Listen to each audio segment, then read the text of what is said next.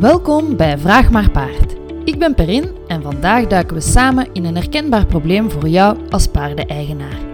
In deze aflevering leg ik jou de waarom uit achter het gedrag en bied ik jou een zicht op de mogelijke oplossingen. Dus, let's go! Vandaag ga ik een essentiële vraag behandelen die vele paardeneigenaars zichzelf stellen. De vraag luidt als volgt. Ik heb onlangs een paard gekocht en heb een mooie wei voor hem, maar ik maak me zorgen over zijn sociale behoeften.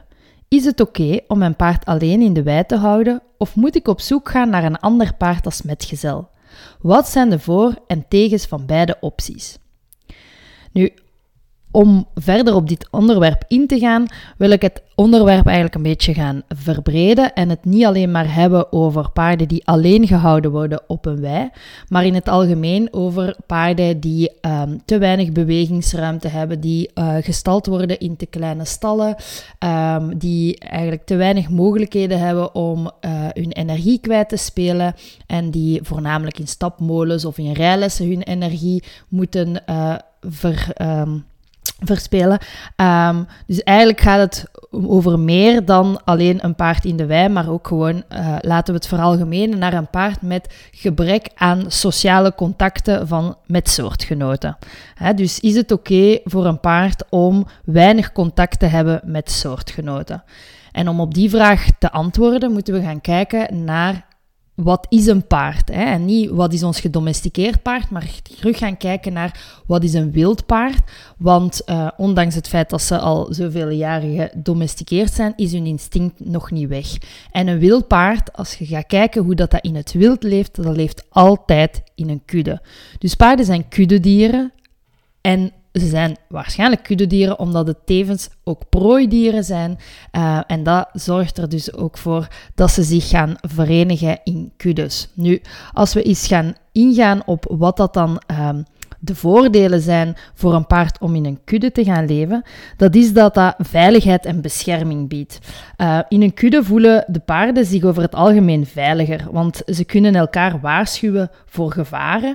Um, een paard neemt een heel groot deel van zijn dag, uh, gaat hij grazen. En op het moment dat een paard aan het grazen is, heeft hij zijn hoofd laag. En dus heeft hij een heel ander overzicht over de omgeving dan wanneer dat hij in een alerte houding de omgeving zit gade te slaan. Dus dat is de reden waarom dat heel vaak um, er afgewisseld wordt tussen de paarden. En er zijn paarden die grazen en er zijn paarden die rusten en andere die op de uitkijk staan. Zo kunnen ze eigenlijk samenwerken en zo kunnen ze elkaar verwittigen wanneer dat er een gevaar dreigt, wanneer dat er een bedreiging is. En dat, over, ver, dat vergroot natuurlijk hun overlevingskansen en dat vermindert hun stress. Dus voor die veiligheid, dat is al één van de belangrijke redenen waarom paarden uh, zich in kuddes verenigen. Aan de andere kant geeft het ook, um, is het ook goed voor hun emotionele ondersteuning, want in een kudde vormen paarden vaak sterke sociale banden. Nu, als we gaan kijken in het wild, zijn kuddes, dat zijn vooral familiale banden. Uh, onze gedomesticeerde kuddes, dat zijn samengestelde kuddes, dus daar is het belangrijk om te gaan kijken dat de paarden die bij elkaar gezet worden, dat die ook goed accorderen, want Paarden die het niet met elkaar kunnen vinden, is uiteraard ook een bron van stress, spanning en zo verder. Maar um, op het moment dat paarden goed bij elkaar geïntroduceerd worden, dan. Um, gaan ze juist uh, emotioneel die verbondenheid met elkaar opzoeken. En dat, dat biedt ondersteuning, dat biedt, uh, dat biedt zelfs troost en, en weer dat gevoel van, van veiligheid. Um, het kan dus bijdragen bij het verminderen van de stress en het verminderen van uh, angst. Dus het, het verbetert eigenlijk gewoon hun, hun welzijn. Als derde puntje waarom dat kuddeleven belangrijk is, is dat ze in kuddes leren, uh, leren paarden hun sociale vaardigheden ontwikkelen. Ze leren van andere paarden, ze leren hoe dat ze zich in kudde moeten gedragen, uh, ze worden opgevoed door de andere uh, paarden, er worden grenzen neergezet, ze leren hoe dat ze conflicten moeten vermijden of juist moeten rechtzetten, moeten onderhandelen. Dus ze, ze leren heel veel van elkaar, zoals dat bijvoorbeeld welke weg dat ze moeten nemen, waar dat de beste plaatsen zijn om te eten, waar dat je een uh, fijne plek vindt om te rollen. Um, dus heel veel gedrag wordt doorgegeven vanuit die kudde. De kudde is natuurlijk ook belangrijk voor het vinden van partners, hè, voor de reproductie. Nu, dat is minder van belang voor onze gedomesticeerde paarden, maar in het wild is dat natuurlijk een cruciaal belang voor hun voortbestaan. Um, en daarbij kan de kudde dan ook weer helpen om uh, de jonge veulens, om die te beschermen en om uh, ze op te voeden. Maar dus dat is, dat is wel wat minder van belang bij ons, omdat vaak... Um, we niet willen dat onze paarden zich reproduceren. En als dat wel het geval is, dan is dat weer een uh, thema voor een heel andere podcast. Um, een ander puntje dat nog belangrijk is, is dat uh, het leven in een kudde zorgt voor mentale stimulaties. Want gewoon sociale interacties, dat biedt gewoon mentale stimulatie. Paarden die uh, kunnen met elkaar spelen, die kunnen um, ja, die kopiëren gedrag. Dus die, die kunnen elkaars nieuwsgierigheid bevreden, maar die kunnen ook gewoon tijd met elkaar doorbrengen. Dus het doodt ook gewoon een beetje de tijd. Het voorkomt verveling. Um, en, en dat helpt natuurlijk bij het houden van een gezonde mentale toestand. Um, een ander punt dat belangrijk is, is het ontwikkelen van een goede taal. Um, paarden zijn kuddedieren en die communiceren dus continu met elkaar via lichaamstaal, via geluid en via geuren.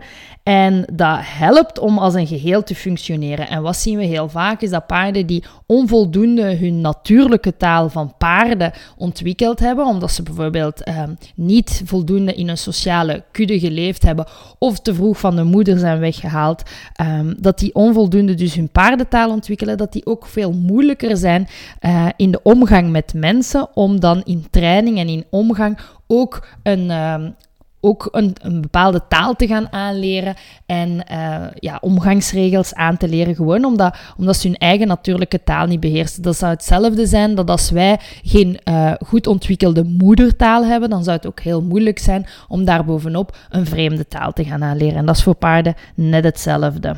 Dus ja, algemeen gezien kunnen we eigenlijk zeggen dat het leven in een kudde zorgt voor uh, meer overlevingskansen en dat dat dus bijdraagt aan het verminderen van de stress en dat dus helpt om het paard qua gezondheid en welzijn te bevorderen.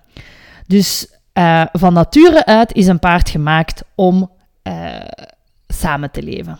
Dus wat, gaan we dan, wat gaat er dan eigenlijk mislopen op het moment dat we een paard alleen gaan houden?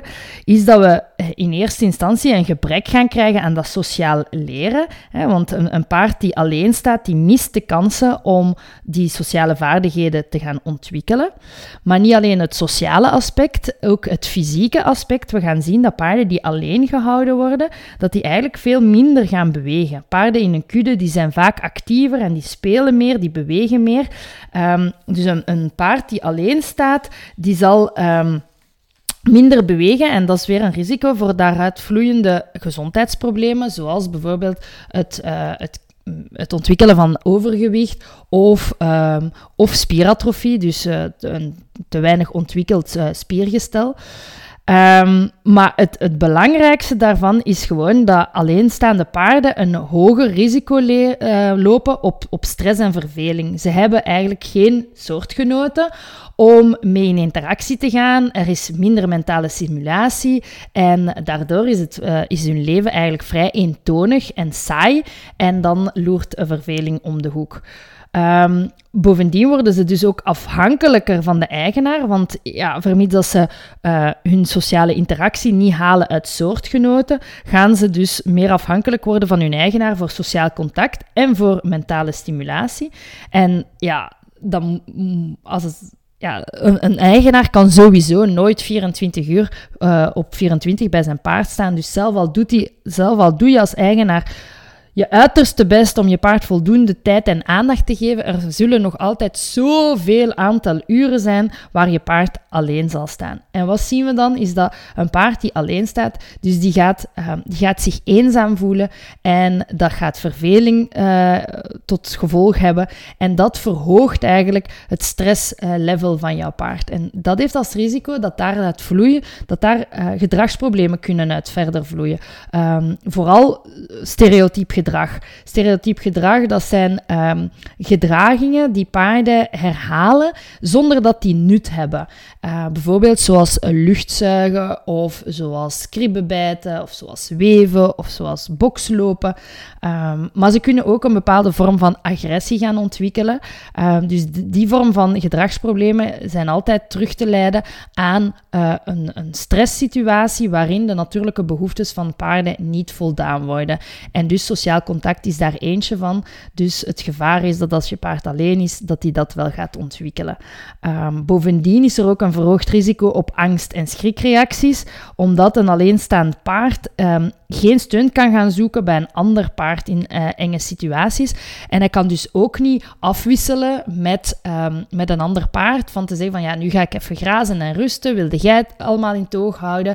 Het paard staat er dus alleen voor en en gaat dus vanuit nature veel waakzamer en veel alerter zijn. En dus heb je een paard die eigenlijk altijd in een staat van paraatheid zit, um, waardoor zijn stresslevel hoger blijft. En waardoor dat hij vatbaarder is voor angst- en schrikreacties. Um, nu zou je kunnen zeggen, ja, als, als ik dan geen ander paard erbij kan zetten, dan kan ik misschien wel een ander dier erbij zetten. En um, ja, we zouden kunnen zeggen dat een ander dier waarschijnlijk beter is dan helemaal niks. Maar we moeten wel beseffen dat een ander dier, zoals een geit, een schaap, een kip, uh, een koe, een ezel, dat de andere soort, uh, dat dat andere dieren zijn vanuit een andere soort. En die hebben dus ook andere behoeftes, maar ook een andere taal.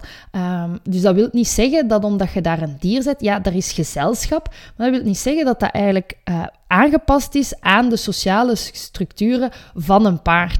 Um, en bovendien moeten we ook rekening houden met de behoeftes van dat dier dan. Hè? Want we kunnen dan wel zeggen, we zullen een geit zetten bij ons paard, maar hoe zit het dan met het welzijn van die geit? Uh, dus een ander dier is meestal geen, uh, geen goede optie, ook niet. Uh, wetende dat er eigenlijk in bepaalde landen, in Zweden, in Denemarken en in Zwitserland, is het zelfs al uh, verboden om paarden alleen te houden. En is het dus verplicht dat paarden uh, contact hebben met uh, soortgenoten. Um, er is zelfs een, een onderzoek, eh, er zijn verschillende wetenschappelijke onderzoeken die dat hebben onderzocht. En eentje daarvan dateert uit de jaren 50, 60 en is een onderzoek dat werd uitgevoerd door Harry Herlow. Um, dat werd wel uitgevoerd met, uh, met apen, met reusapen, dus niet met paarden. Maar het was wel een interessant onderzoek om um, uh, de, het belang van sociaal contact te gaan uh, bewijzen. Wat, was er eigenlijk in dat onderzoek gebeurd? Zijn, uh, in de experimenten heeft Herrel uh, pasgeboren reuzenapen ge, geplaatst in een geïsoleerde omgeving. Dus zonder, zonder mama, zonder sociaal contact, alleen met twee surrogaatmoeders. En de surrogaatmoeder, dat was eentje was gemaakt van... van de surrogaatmoeders die waren uh, gemaakt van draad. Eentje was gemaakt van draad en die, die gaf voedsel. En de andere surrogaatmoeder, die was um, bedekt met een zacht doekje. Dus die was veel aangenamer in aanraking en contact en nabijheid uh, en geborgenheid. Maar die gaf geen voedsel. En um, wat, werd er ontdekt, is dat die um, dat die pasgeboren aapjes, dat die eigenlijk veel meer tijd doorbrachten met de surrogaat doekmoeder, zelfs als ze honger hadden, dan met die surrogaatmoeder die gewoon voedsel aanbood, maar geen geborgenheid bood. En daaruit hebben ze besloten, eh, hebben ze geconcludeerd dat eigenlijk eh, sociaal contact en emotionele verbondenheid, dat dat belangrijker is dan voeding. Um, dus dat is wel een heel belangrijk uh, onderzoek, omdat als, als je beseft dat paarden, of dat apen in dit geval, uh, meer belang hechten aan sociaal contact, aan geborgenheid, aan veiligheid, dan aan eten, dan snap je hoe belangrijk dat dat gezet wordt. Want voeding is altijd onmiddellijk gerelateerd aan voortbestaan. Als je niet eet, dan gaat je dood. Maar dus blijkbaar, als je, geen, vol, als je onvoldoende geborgenheid krijgt, als je onvoldoende sociaal contact en veiligheid krijgt, dan is dat is ook dus gewoon een uh, noodzakelijke, levensnoodzakelijke basisbehoefte. En ja, dat experiment dat toont misschien niet direct aan dat er... Um, dat sociale interactie altijd boven voedsel zal uh, verkozen worden, maar dat is dus wel een heel belangrijke behoefte. Um, en het is nu met apen uitgevoerd. Dus dat, dat is misschien niet één op één te vertalen naar paarden. Maar um, het, paarden zijn ook sociale diersoorten. En dus kunnen we eigenlijk wel de vertaalslag maken en um, eruit afleiden dat dat voor paarden ook wel zo zal gelden. Dus als we gaan kijken naar de natuurlijke behoeftes van paarden, van nature uit leven die in kuddes, dat is heel belangrijk voor hun gezondheid en hun welzijn. Dus als we paarden in een isolement gaan houden, dan um, onthouden wij hen al deze heilzame effecten van het leven in groep. En dan gaan we dus eigenlijk zelf paarden in een onnatuurlijke situatie zetten en dus stress uh, veroorzaken. En daaruit vloeiende misschien wel gezondheidsproblemen of gedragsproblemen. Um, dus om terug te komen op het antwoord, kan een paard alleen gehouden worden? Daar is het antwoord gewoon nee. Een paard kan niet alleen gehouden worden. Het is echt van noodzakelijk belang dat een paard sociaal contact heeft. En uiteraard zijn er wel situaties waarin paarden niet in contact kunnen zijn met andere paarden. Ik denk maar, je bent net verhuisd en het paard is nog niet geïntroduceerd in de nieuwe kudde. Of je paard is gekwetst en uh, moet tijdelijk uh, voor zijn herstel op een apart stuk gehouden worden. Um, dan nog zijn er belangrijke aspecten in de gaten te houden. Um, kijk nog altijd dat paarden zoveel mogelijk in de nabijheid van andere paarden kunnen zijn. Dus dat ze, ze misschien, dat ze misschien niet in de kudde zitten, maar dat ze wel paar andere paarden kunnen zien, andere paarden kunnen horen, misschien zelfs andere paarden kunnen ruiken. Um, maar dat, dat is wel heel belangrijk voor paarden dat uh, zelf, wanneer dat er uh, situaties zijn waardoor dat ze niet in groep kunnen gehouden worden, dat we dan echt gaan kijken naar hun welzijn en naar hun nood aan sociaal contact. En dan we gaan kijken hoe dat we dat dan kunnen uh, bevredigen, dat sociaal contact. Um, maar dat is misschien wel stof voor een andere podcast. Dus daar zal ik misschien wel later op terugkomen. Als je geïnteresseerd bent in hoe dat je dat sociaal contact kunt um, in de praktijk omzetten, hè, want iedere situatie is natuurlijk anders. Um, of als je geïnteresseerd bent om te weten dat, uh, welke behoeftes dat paarden ook nog hebben naast dat sociaal contact. Hè. Dus ik denk dan maar aan bewegingsvrijheid. Ik denk aan het feit dat ze in het wild ook twee derde van hun tijd fourageren. Dat wil zeggen dat ze uh, al wandelend op zoek gaan naar voedsel.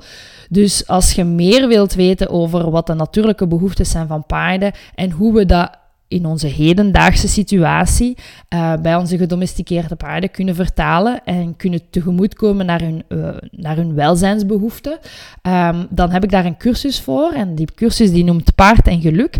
En in die cursus krijg je echt alles uh, te weten, kom je alles te weten, krijg je alles te leren over um, de behoeftes, wat je paard nodig heeft om eigenlijk zijn gezondheid en zijn welzijn zo goed mogelijk te ondersteunen en dus uh, zoveel mogelijk stressgerelateerde klachten te voorkomen en dus eigenlijk gewoon om, uh, om dierenartskosten te, uh, te minimaliseren of te vermijden en er gewoon voor te zorgen dat je paard een gelukkig en blij bestaan heeft en een fijne partner is om mee samen te werken.